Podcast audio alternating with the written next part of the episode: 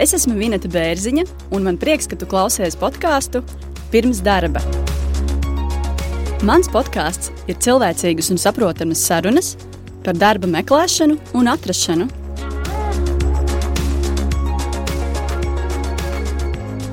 Šodien podkāstā pie manis divi neparasti viesi.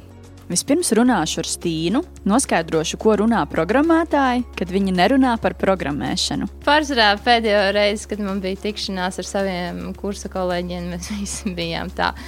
Man šķiet, es nezinu, bet mums, man liekas, ka mūsu atlaidīgs līmenis visu laiku ir tā sajūta, ka kaut kas nav, kaut kas nebūs. ne, tā vienmēr liekas. Tā, nu, kad varbūt tev ir tāda neliela tā kā nepārliecība vai kā tam līdzīga. Tad visu laiku liekas, ka viens varbūt man atlaidīs, varbūt nē. tad vienkārši tā pārliecība par sevi un par to, ko tu dari, nāk ar laiku. Pēc tam Normons pastāstīs par to, kā Volta kurjeri pavada savu brīvo laiku.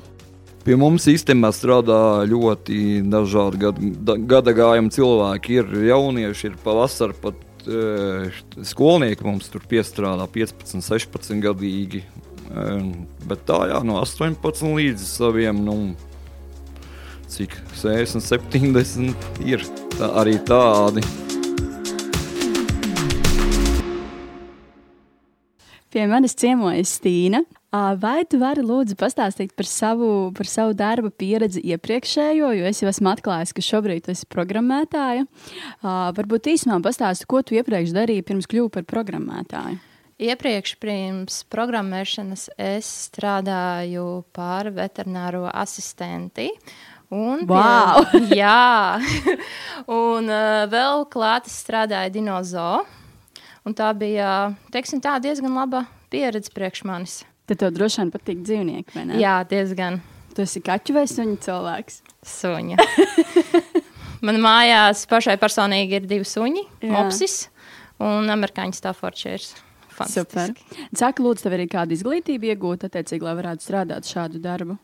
Uh, jā, man ir Latvijas Lauksaimniecības Universitātē iegūta izglītība veterinārā mhm, -huh. Un cik ilgi ir jās, jāstudē šāda izglītība? Seši gadi. Tiešām seši gadi. Wow. Tad sanāk, tas nomācījusies sešus gadus, pastrādājis un šobrīd pilnīgi absolūti krasi mainījis savu Jā. profesiju. Jā. Bet kā ir seši gadi ir pagājuši? Nav tā kā nedaudz tāda nožēla, ka rekurus sešus gadus veltījusi vienai profesijai. Nē, galīgi Nav, nē. Man, ja? man tas tā visa profesijas maiņa notika diezgan spontāni. Un, uh, Es gribēju kaut ko savādāku pamēģināt, pilnīgi kaut ko citu pusi. Cik ilgi tu jau esi kā programmētāja? Uh, varētu teikt, jau gadu. Gadu esmu kā programmētājs. Nu, iesa, ies, ieskaitot kodoleks kursus un mm -hmm. tagad līdz šim brīdim. Un cik darba vietās jau esi pastrādājusi? Uh, es esmu strādājusi divās darba vietās. Pirmā darba vieta ir uh, uzņēmums ZZDATS, kas nodarbojās, nodarbojās ar pašvaldību, pašvaldību apkalpošanu, kopējo kā, uh, infrastruktūra, kur notiek um, piemēram kopējās domas sēdes, balsošanas un tādas lietas. Un uh, otrā darba vieta man ir uh, Arvato sistēmas Latvijā. Fantastiska darba vieta. IT kompānija. Jā. Mhm. Uh, saki, saki, lūdzu, ar kādām programmēšanas valodām tu esi, kādas tu esi mācījusies un ar kādām šobrīd strādā? Uh, es esmu mācījusies JavaScript, bet manā iepriekšējā darba vietā, ZZ datā, man bija jāstrādā ar Angular JS, kas ir diezgan veca programmatūra, tā sakot, un novecojusi. Un jaunajā darba vietā es strādāju ar React JS. Oh, Tātad tu esi frontendists. Jā, jā. Mm -hmm. uh, ko, ko varbūt tavi draugi saka par to, ka tu esi programmētāja? Um, protams, viņiem tas bija diezgan liels pārsteigums, jo um, nomainīt tik krasi profesiju ir jautājumi, kā, kāpēc, kādēļ tā notika. Man arī tāds pats jautājums. kādēļ tā notika? Um, tas, tas tiešām notika diezgan spontāni. Man vien, vienu dienu mana māsa vienkārši atnāca un teica, ka, hei, te ir tādi kodoleks kursi, un varbūt tu gribi pamēģināt kaut ko pamainīt dzīvē tāds labi, kāpēc nē? Un tas viss sākās ar tādu mazumiņu. Es pieteicos. Sandrs man atsūtīja pirmos uzdevumus, es viņus izpildīju. Un tad jau tas viss arī aizgāja. Kā māsa uzzināja par kursiem? Viņa bija ieraudzījusi kaut ko, ja es pareizi atceros, kaut kādā reklāmā vai kur tam līdzīgi. Facebookā visticamāk. Iespējams, Facebookā. Sākumā tas likās tāds ļoti, kā saka, sketčī. Kā, kā tas var būt? Tu, tu mācies, un tad tev piedāvā darbu, un tu atmaksā tikai pēc tam to visu. Bet tāds arī viss beigās izrādījās, ka tā ir. Parasti, vismaz agrāk, tā bija agrākos laikos, ka visbiežāk vīrieši izvēlējās šo profesiju. Vai vēl ir mūsdienās vēl kāds, kurš skatās un īsti nesaprot, kāpēc tieši tu izvēlēsies šādu profesiju, vai tev nav bijuši tādi gadījumi? Un pārsvarā cilvēki, kuri tā kā zina, kad es nodarbojos ar programmēšanu, viņi tā kā īsti nesaprot, ko es tur daru. Viņi tā kā parasti domā, ka es varu pārinstalēt Windows vai ko citu. Tāds, nē, nē, nē, nē, nē, tas nav tas, ko kā, es daru. Kā tu viņiem izskaidro, ko tu dari? Tas ir, tas, tas ir diezgan sarežģīti, bet es mēģinu tikt galā ar tādu lietu, kad es pastāstu. Nu, tad jums priekšā ir Facebook, un te jūs redzat Facebookā visas tās smukās lietas, un praktiski es esmu tas cilvēks, kas taisa visu to smuko. Uh, ko tev ģimene par to saka? Uh, man ģimene ir diezgan atbalstoša tādā ziņā. Viņi ir diezgan priecīgi, ka esmu atradusi to savu feature vai knifu, kas man patīk un ko es daru. Un ko viņi saka par tiem sešiem gadiem mācībās? nu, ir kā ir. Nu, dzīvē, kā sakot, notiek visādi. Ir jāmaina lietas. Galvenais, ka patīk, un galvenais, ka viss iet uz priekšu. Kāds varbūt bija tas uh, atspēriena punkts, kad tu saprati, nē, veterin veterināra jomā es vairāk nevēlos būt un vēlos kaut ko citu apgūt? Nu, teiksim tā, tajā laikā notika diezgan tāds negaidīgs, traģisks moments manā dzīvē, kad uh, notriec man suni, un es par to ļoti, ļoti pārdzīvoju. Kopš tā momenta es sapratu, ka es nevēlos kā, vairāk saistīt neko ar to, jo tas bija diezgan traģiski. Tas atstāja, atstāja diezgan liels seks uz manis, un man bija vienkārši gribējās tikt pēc iespējas tālāk no tā visa. Tas bija tik ļoti emocionāli, ka tu saprati, ka turpmākais darbs tev būs par smagu. Ja? Jā. Jā, jo veterinārā medicīnā kā tādā ir jābūt gatavam, ka tev atvedīs suni, kuru tu stacionārā ārstēsi, un tu katru dienu ar viņu strādāsi. Pēc tam notiks tā, ka uh, viņu nav iespējams izglābt. Tā ir liela atbildība. Jā, tā ir liela atbildība, emocionāla atbildība, un tu pēc tam sabrūc. Tas diezgan smagi ir. Jo tur bija tiešām nu, tur bija diezgan smagi, jo manā uzraudzībā bija tāds, tāds franču buldogs, Žako, un viņam bija epilepsijas lēkmes. Viņam visu laiku bija pēc 30 minūtēm epilepsijas lēkmes, viņam bija jā, jādod zāles. Un tā kā izskatījās jau, ka viņam ir labāk, labāk, bet tad atnāca viena cita veterināra vetārste, un viņa teica, ka nē, mums vienkārši viņš ir jāšpricē nost. Un, uh, Tas bija tāds smags moments, kas manā, manā atmiņā paliek, jo tur viņi strādā, tu cīnies, tu dari.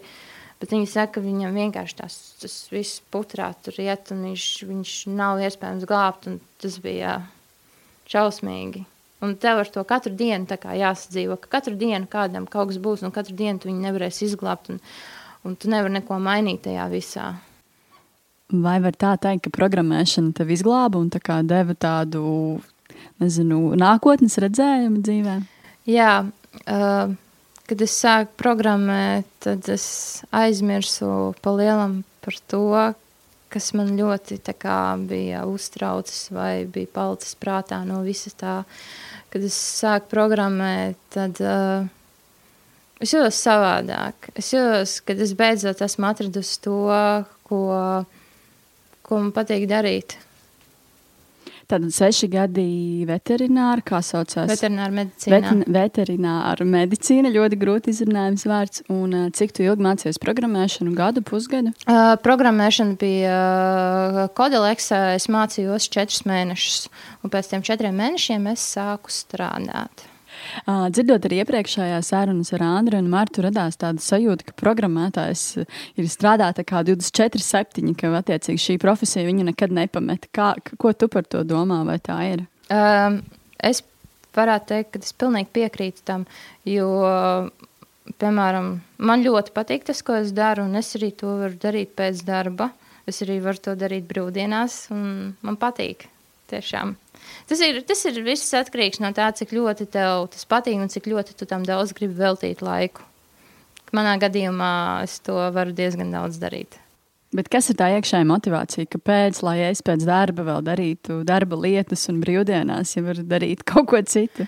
Um, tas ir tā, ir tā maģija par programmēšanu, kad viņa tas, ko tu dari, tas tev ļoti pievelk, un tu gribi redzēt ātrāk to rezultātu. Tu gribi redzēt, kā tev tur sanāks. Un tad vēl jau vairāk tevi ieinteresē tas, ka, oh, kāpēc nesanāca labi, mēģināsim savādāk, un tu jau redzi, ir jau vakars pienācis. Jā. Par ko varbūt programmētāji runā ārpus sava darba laika? Kād, kādas varbūt tās sarunu tēmas un hobiji? Man liekas, praktiski nu, lielākoties visi, ko es pirms no sava um, kursa satieku, mēs pārsvarā visi runājam par to, kā mums darbā iet, kā mums liekas, kā mums būs un uh, kā mēs strādājam. Mums, mums ir tā, šī ir tā tēma, kas mums ļoti vieno. Protams, mēs parunājam atsevišķi, ko mēs tur ikdienā darām, kādas mums ir. Uh, kā, ko mēs darām brīvdienās, bet pašā mums, mēs vienojamies ar tām domu, ka labi, programmēšana, tas ir tas kopīgais, par ko mēs varam parunāt.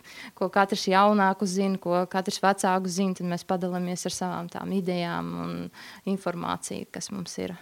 Ir kaut kādas problēmas, kas jūs vieno, par ko jūs runājat? Pārsvarā pēdējo reizi, kad man bija tikšanās ar saviem kursa kolēģiem, mēs visi bijām tādā Man šķiet, es nezinu, bet mums, man liekas, ka mūsu atlaidīs līnijas visu laiku ir tā sajūta, Kāpēc? ka kaut kas nav, kaut kas nebūs. ne, tā vienmēr liekas. Tā, nu, kad, Varbūt tev ir tāda neliela tā kā nepārliecība vai kā tam līdzīga. Tad visu laiku liekas, ka viens varbūt man atlaidīs, varbūt nē. tad vienkārši tā pārliecība par sevi un par to, ko tu dari, nāk ar laiku. Tad, kad tev ir pieredze vairāk krājusies, tad tev arī nāk tā pārliecība par sevi, ko tu dari. Līdz tam brīdim liekas, kaut vai tu esi izturējis to pārbaudas laiku, tev liekas, varbūt kaut kas nav, varbūt viņiem nepatīk, kā es kaut ko daru vai kas tam līdzīgi. Bet šis ir ļoti interesants jautājums, jo es arī savā pieredzē esmu manījusi to, ka manā kolēģi bijušie uh, ir izteikuši līdzīgas bažas. Pēc, kāpēc jums, jauniešiem, tādas domas, ka jūs pēkšņi atlaidīs? Gr nu, grūti teikt, jo šī vidē tur, tur jābūt diezgan, kā lai saka, tādam.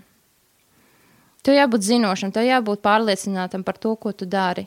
Un, ja, ja nevienmēr tu vari būt pārliecināts par ko tu dari, tev var uzreiz rasties tā nedrošība. Ja nu tomēr šiem cilvēkiem nepatīk tas, kā es to izpildu, vai es nezinu, gala produkcijā kaut kas nav tā, kā tam vajag, varbūt tu esi termiņus nokavējis vai lēnāk to darījis. Tāpēc radās nedaudz tā nedrošība par sevi. Kā gūt šo pārliecību par sevi? Nu, piemēram, Man, man bija grūti ar šo pārliecību. Man vis, es visu laiku sākumā baidījos, grīļojos par to, kā man ir un kā es, es visu daru pareizi, bet manā uzņēmumā man ir ticis ļoti labs mentors, kurš man iedrošina, kurš ceļ manu pašapziņu augšā par to, ko es daru. Un, man liekas, ir ļoti svarīgi tas, kāda tev ir komanda, ar ko tu strādā kopā. Tev ir paveicies, bet par komandu runājot, kāda tiešām ir tā komanda? Cik daudz varbūt sieviešu ir tavā komandā? Uh, Um, manā komandā ir vēl viena meitene, kas strādā. Viņa ir citā projektā, bet viņa ir skaitās mana komanda, bet cits, cits projekts. Bet viņa arī ir programmētāja. Jā, viņa arī ir programmētāja. Arī frontend izstrādā. Uh, nē, viņa nē? ir backends. Viņa mm -hmm. ir mhm. backends. Un cik ir vīrieši jūsu komandā, lai tīri to starpību varētu saprast? Astoņi.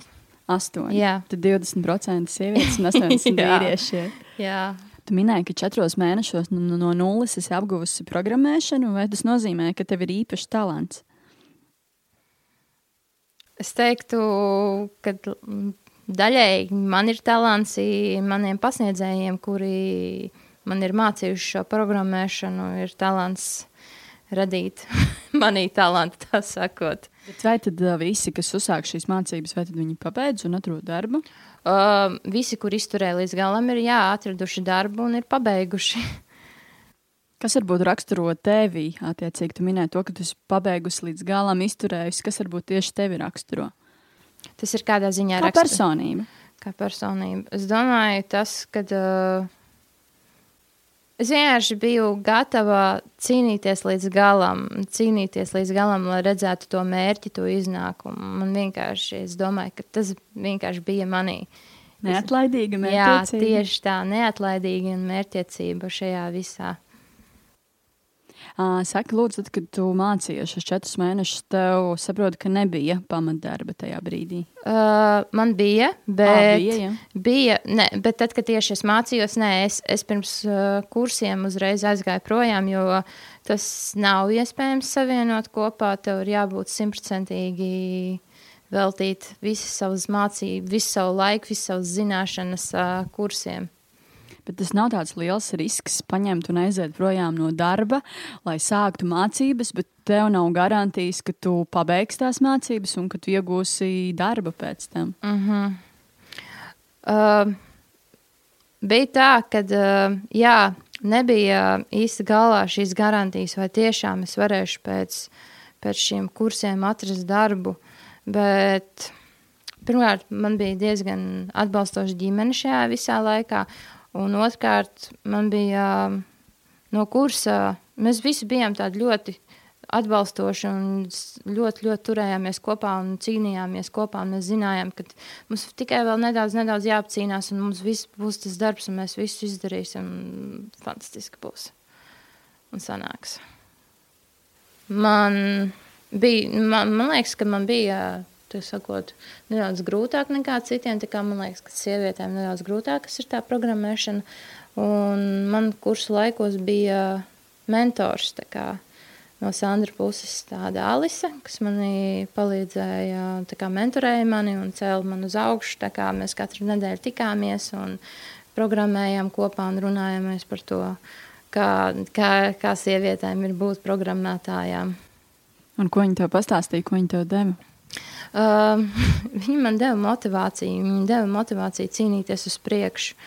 Un mēs, kad, kad mēs katru nedēļu tikāmies, mēs programmējām. Es viņai parādīju, cik daudz esmu izdarījis, ko es esmu izdarījusi. Un Tā tikai viena pat tā parunāšanās ar viņu deva man tā kā motivāciju cīnīties un iet uz priekšu. Vai tu pati sevi redzi kā mentors pēc pāris gadiem? Noteikti. Es labprāt pēc pāris gadiem mentorētu citas, gan meitenes, gan vīriešus programmēšanā. Jo man liekas, ka mēs esam tie, kas iesāk programmēšanu kā tādu, mēs esam ļoti kā, nobijušies vai nepārliecināti par to, ko mēs darām, jo mums ir bail nezināt, kas būs tālāk, vai kā sanāks tālāk, vai arī, ja mums nesanāk, tad uh, ir labi, kad ir ar kādu parunāties. Jo uh, kā piemēram, es kursos, es, man liekas, ka es esmu viena tāda, kas jūtos, kas jūtās, kas, kas neko nesaprot, kas tagad notiekās. Bet nē, mēs esam tādi vairāki, un kā arī, piemēram, man Alise bija kā mentors, viņa arī tieši tāpatās jūtās, kā mēs, kad, kad neko nesaprot un nekas nesanāk. Bet tas ir tikai sākumā. Vai tev šis po- šis posms jau ir pārgājis? Jā, šis posms. Un kā tu, jau tiki, kā tu to tiki galā? um, ar savu nepārliecību, kā tādu, tiku galā ar to, ka man bija mentors, kas man palīdzēja tikt tam visam galā. Es ar viņu strādāju dienas dienā, viņš man pastāstīja manas kļūdas, pastāstīja, kā man visu labāk darīt, un tāds pamazām pakāpienam gāja un gāja. gāja. Jo viņš pamanīja to, ka pirmkārt es esmu diezgan nepacietīga programmēšanas uh, ziņā, un kad es gribu kāpt nevis pa vienam pakāpienam, bet es gribu kāpt jau trīs pakāpienus uz priekšu. Un laika gaitā, strādājot kopā ar viņu, es diezgan labi gūstu savu pašpārliecinātību par to, ko es daru. Bet vai nav tā, ka šī pacietība ir ļoti nepieciešama programmētāja prasme? Kā tu ar Jā. to tiki galā? Um, nu, katru reizi, kad mēs programmējām, viņš tā teica, Stīnstin, mierīgāk, mierīgāk.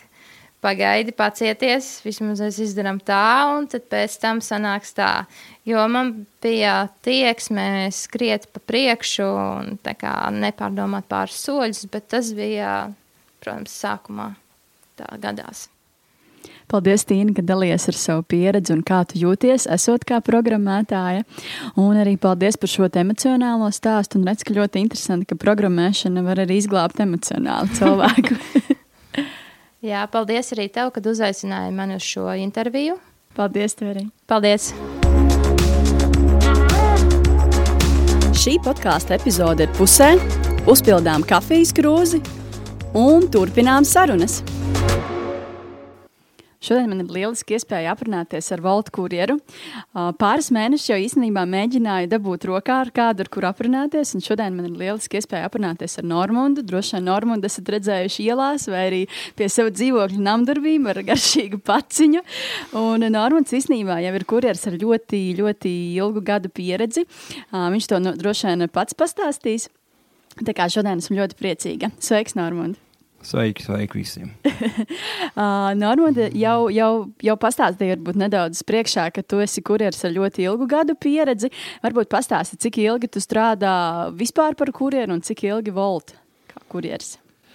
Pa kurjeru kopējais stāsts man precīzi atceros pirmo dienu, kad sāku strādāt. Tas bija 2005. gada 14. oktobris. Nu, jūs viegli varat izrēķināt, ka tūlīt būs 15 tūlīt gadi. Būs 15 gadi, jā, nu diezgan, diezgan ilgs laiks. Un cik tev pašam ir gadu?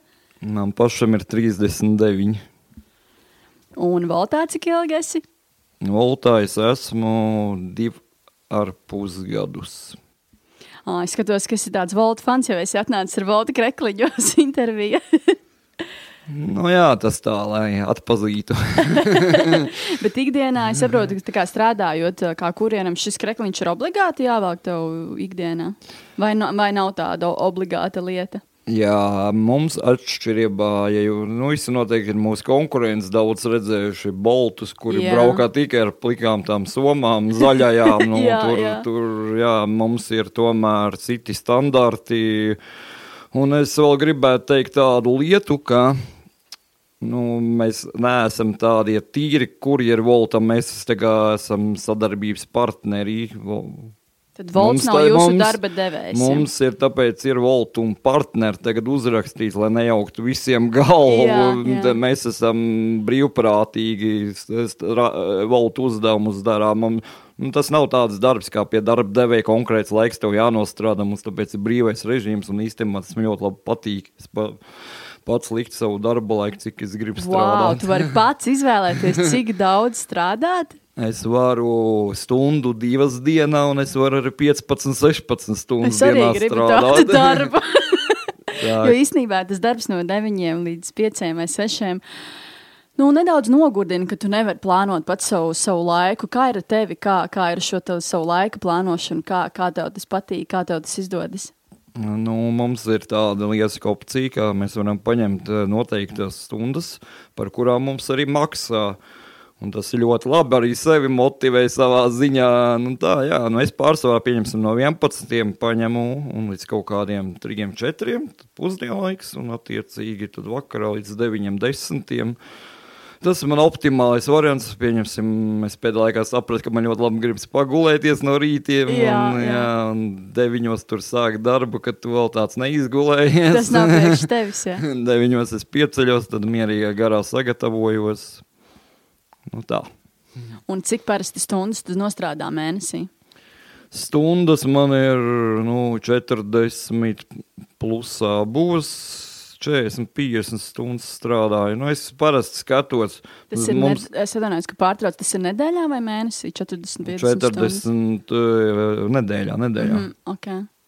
Nu, var teikt, ka pilnā, pilna slodze kaut kuriem. Jā, jo mums tā liekas, ka opcijas pieņemsim, es redzu, cik es esmu nopelnījis tajā brīdī, un tad es saprotu, vai es gribu vēl strādāt tur pēdējās dienas pirms uh, izmaksas vai nē.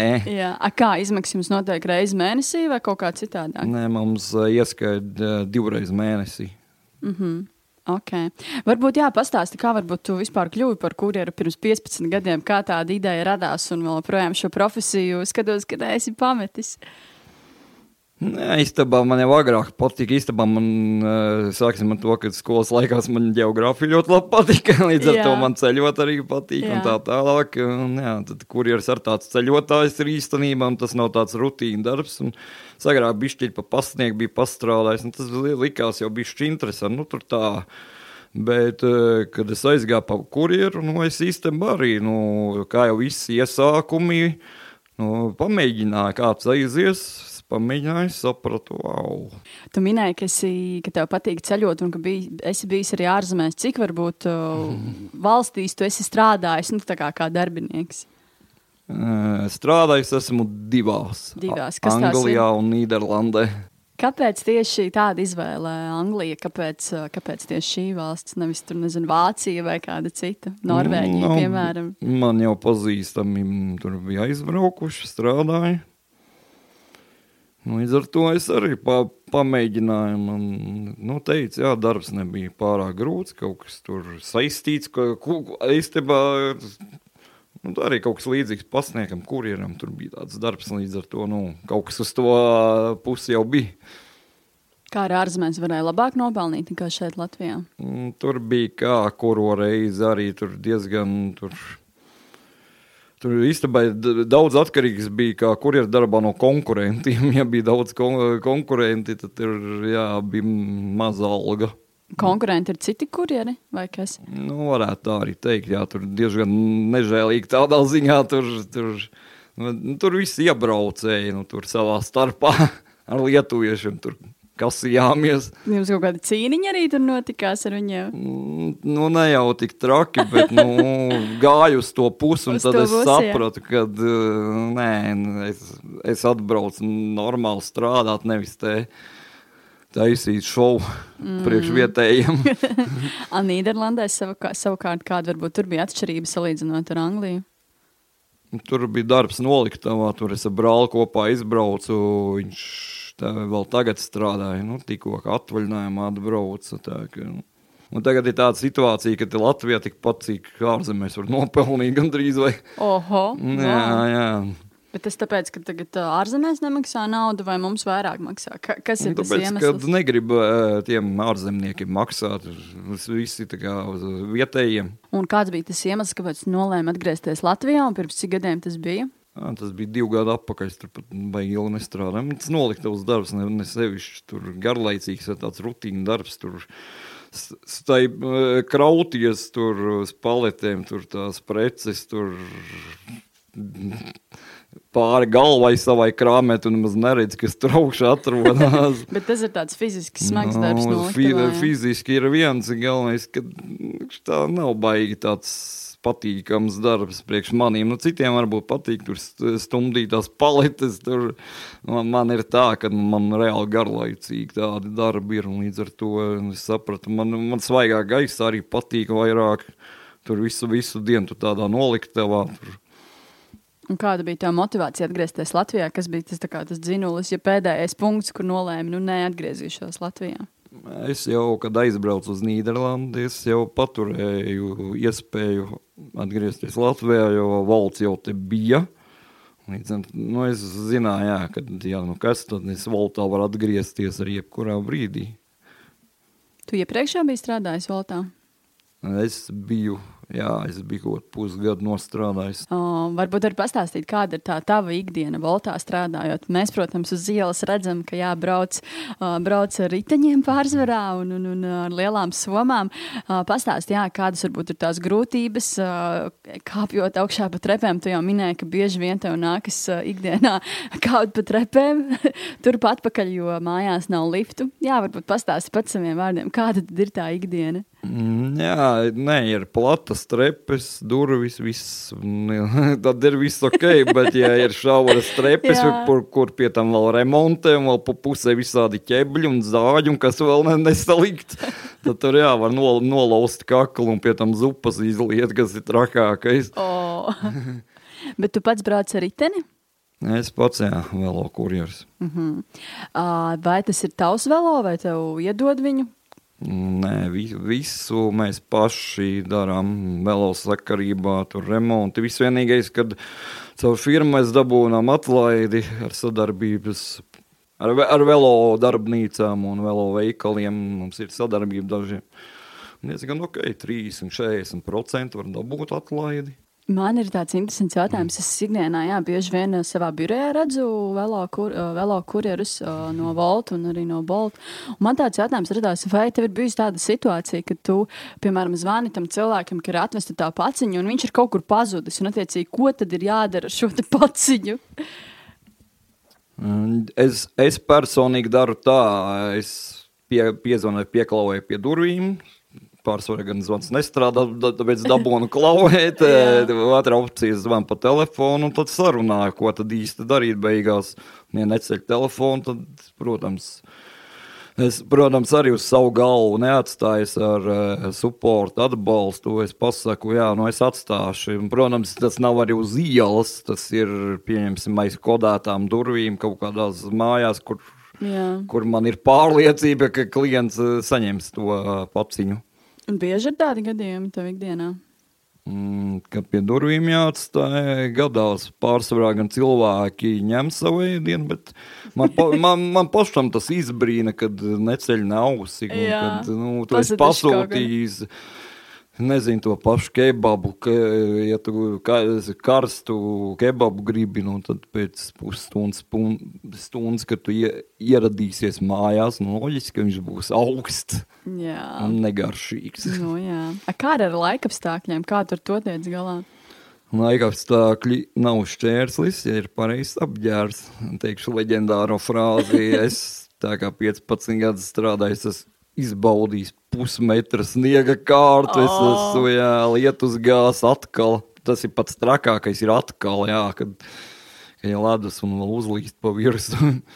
Nu, Padalies, kāda ir tava noslēpuma apģērbā. Man pašai šķiet interesanti. Ko, ko tu vēlci? Nu, Es tagad vēl krekliņā šortos braukāju. Vismaz ir- manīm skatās, kā mm, cit- cik planēti iet var būt. Bet, Bet, kad ir, nezinu, sniegs vai lietus, ko, ko tad tu vēlci? Nu, Man, protams, lietas jāku visu laiku somā ir tādā rudenī. Kā, nu, s- pa dienām ir riktīgi silts, vakaros paliek vēsari, uzmet virsū.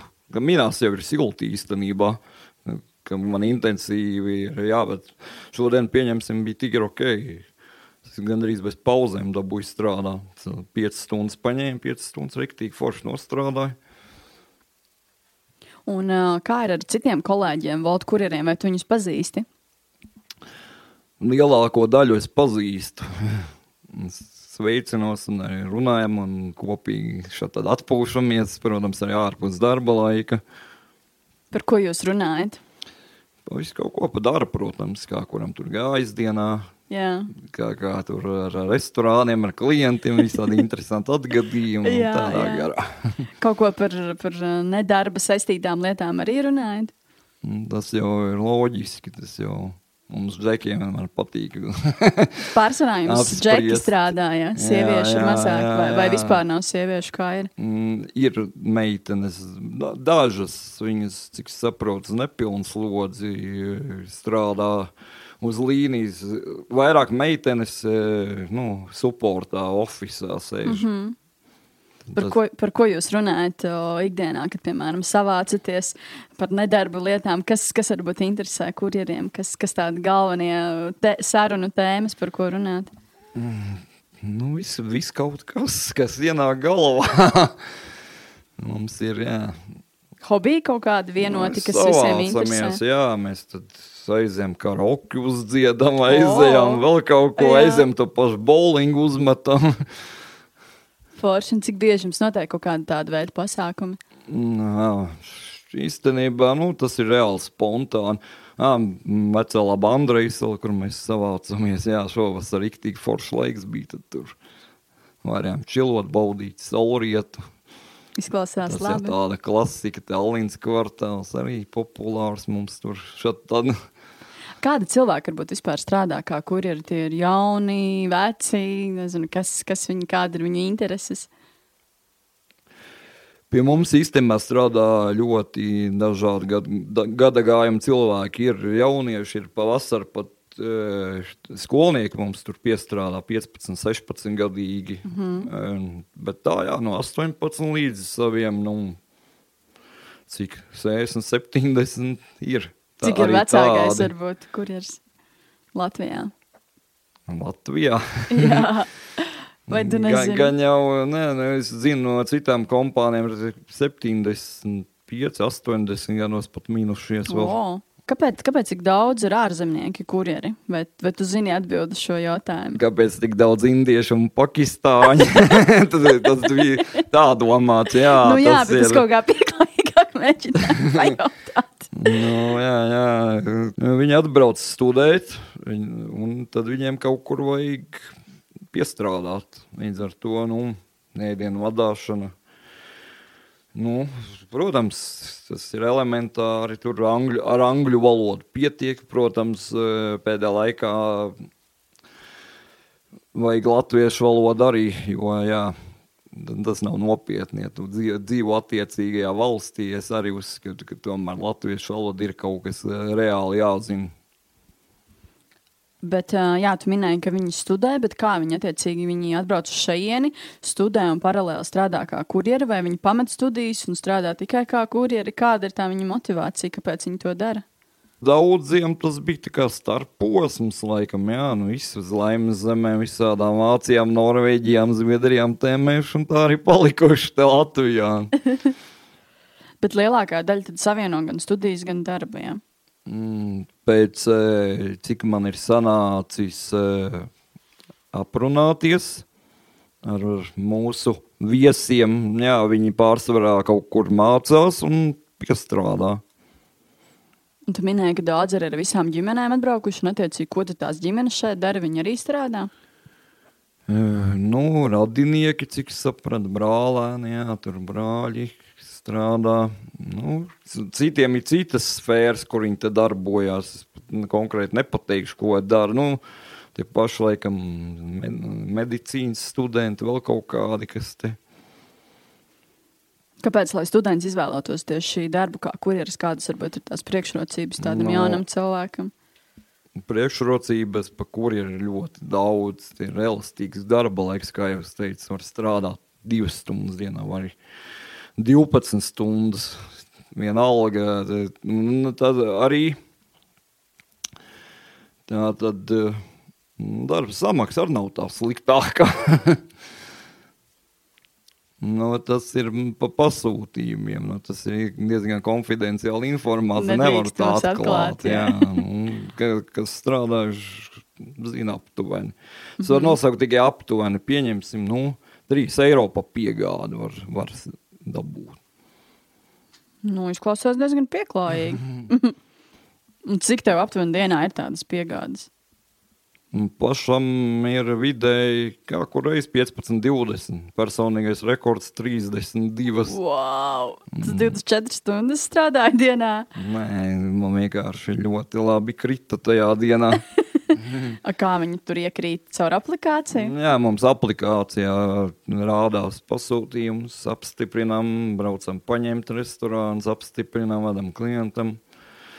Mēdz būt tā, ka no viena restorāna arī trīs piegādes ir, nu, ļoti labi, jo sanāk trīs reizes trīs uzreiz, gan arī 10 eiro pa vienu braucienu sanāk savāk, bet, nu, reti, reti tā ir.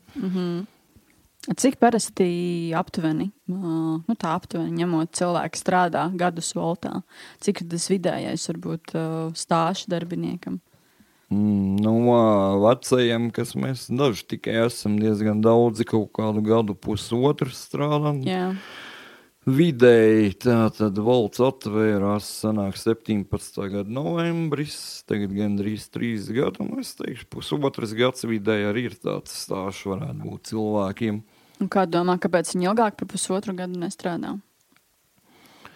Um, nu, daudz, daudziem tas ir paralēlais darbs arī mācās vēl kaut kas, vēl kaut kas, ir citi plāni, arī, protams, brauc projām. Joprojām no Latvijas, mm -hmm. ja citur ir piedāvā haltūras iespējas labas. Kur, kur pēc tam, piemēram, Latvijā cilvēki, to es dzirdēju, varbūt, kur viņi dodas pēc tam, pēc šī darba, pēc kurjera darba? Tad pārsvarā tās ir ārzemes, kaut ko līdzīgu tur darīt. À, uz ārzemēm vairāk dodas. Ja? Nē, nu, ir daudz, daudzi, kas pārkvalificējas, paņem tur un noliek tur C kategoriju uz fūrēm braukā. Tā. Viņam tas liekas aizstoši. Es nezinu, man nekad negribētos. Gan drīz jau 15 gadi, cik tu pats ilgi plāno strādāt, strādāt par kurjeru? Nu, dod Dievs, kamēr veselība kamēr kājas kustēsies. Nē, pagaidām tas man ir tāds nišs. Man, kas man patīk, tas darbs, ka viņš nav tāds rutīna darbs, nav divas vienādas dienas. Visu, visu laiku kaut kas notiek, katru dienu pilnīgi savādāk, ir visādi interesanti atgadījumi, piedzīvojumi. Jā, jā. Oficiālā sēžot tur nekas parasti nenotiek īpaši. Tur redz tās pašas sejas un viss 9, 8 stundas. Diemžēl, jā. Man, nu, vien- vienīgais pluss varbūt, ja ir kaut kāds ļoti augsts laiks ārā, tad jā, ok, pasēdēt. Ā, Kā tu domā, ko varbūt vajag cilvēkam, lai vispār sāktu strādāt voltā? Kas, kas ir tas, kas nepieciešams bez riteņa?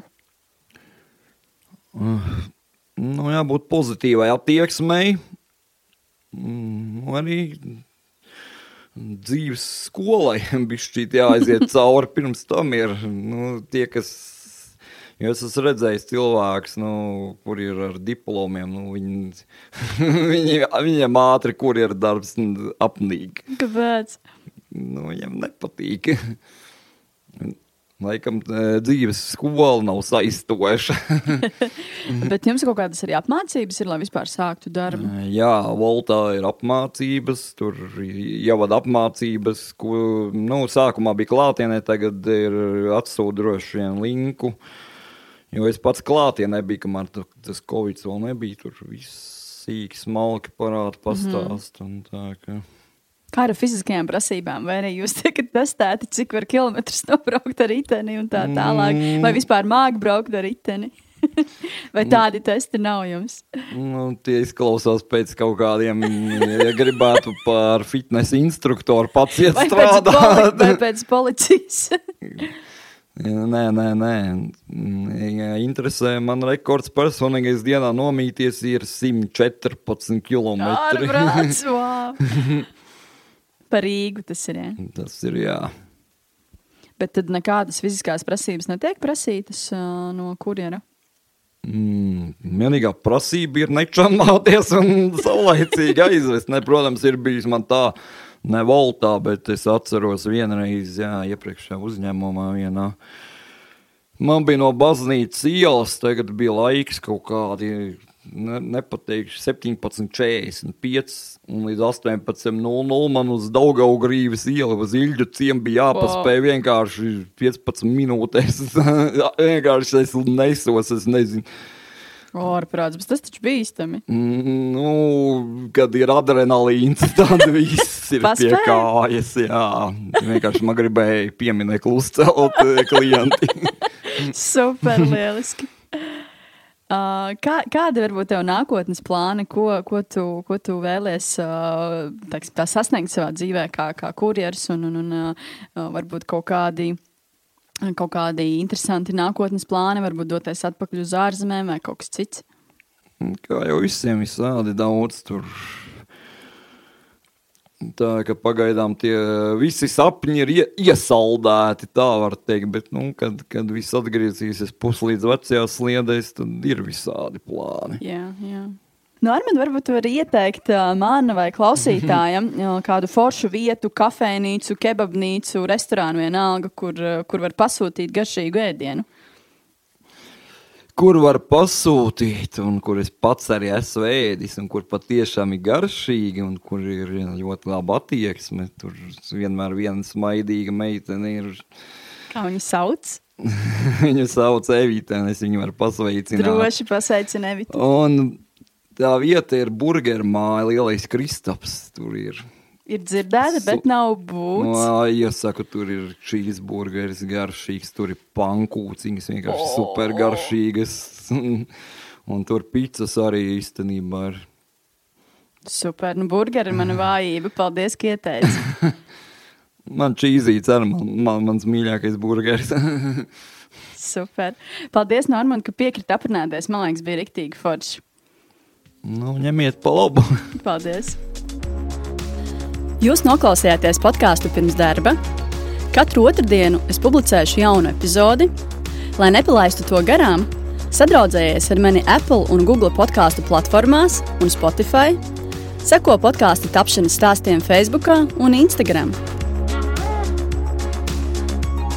Raksti komentārus, iesaki sarunu tēmas, pastāsti savu darba meklēšanas stāstu. Uz sadzirdēšanos!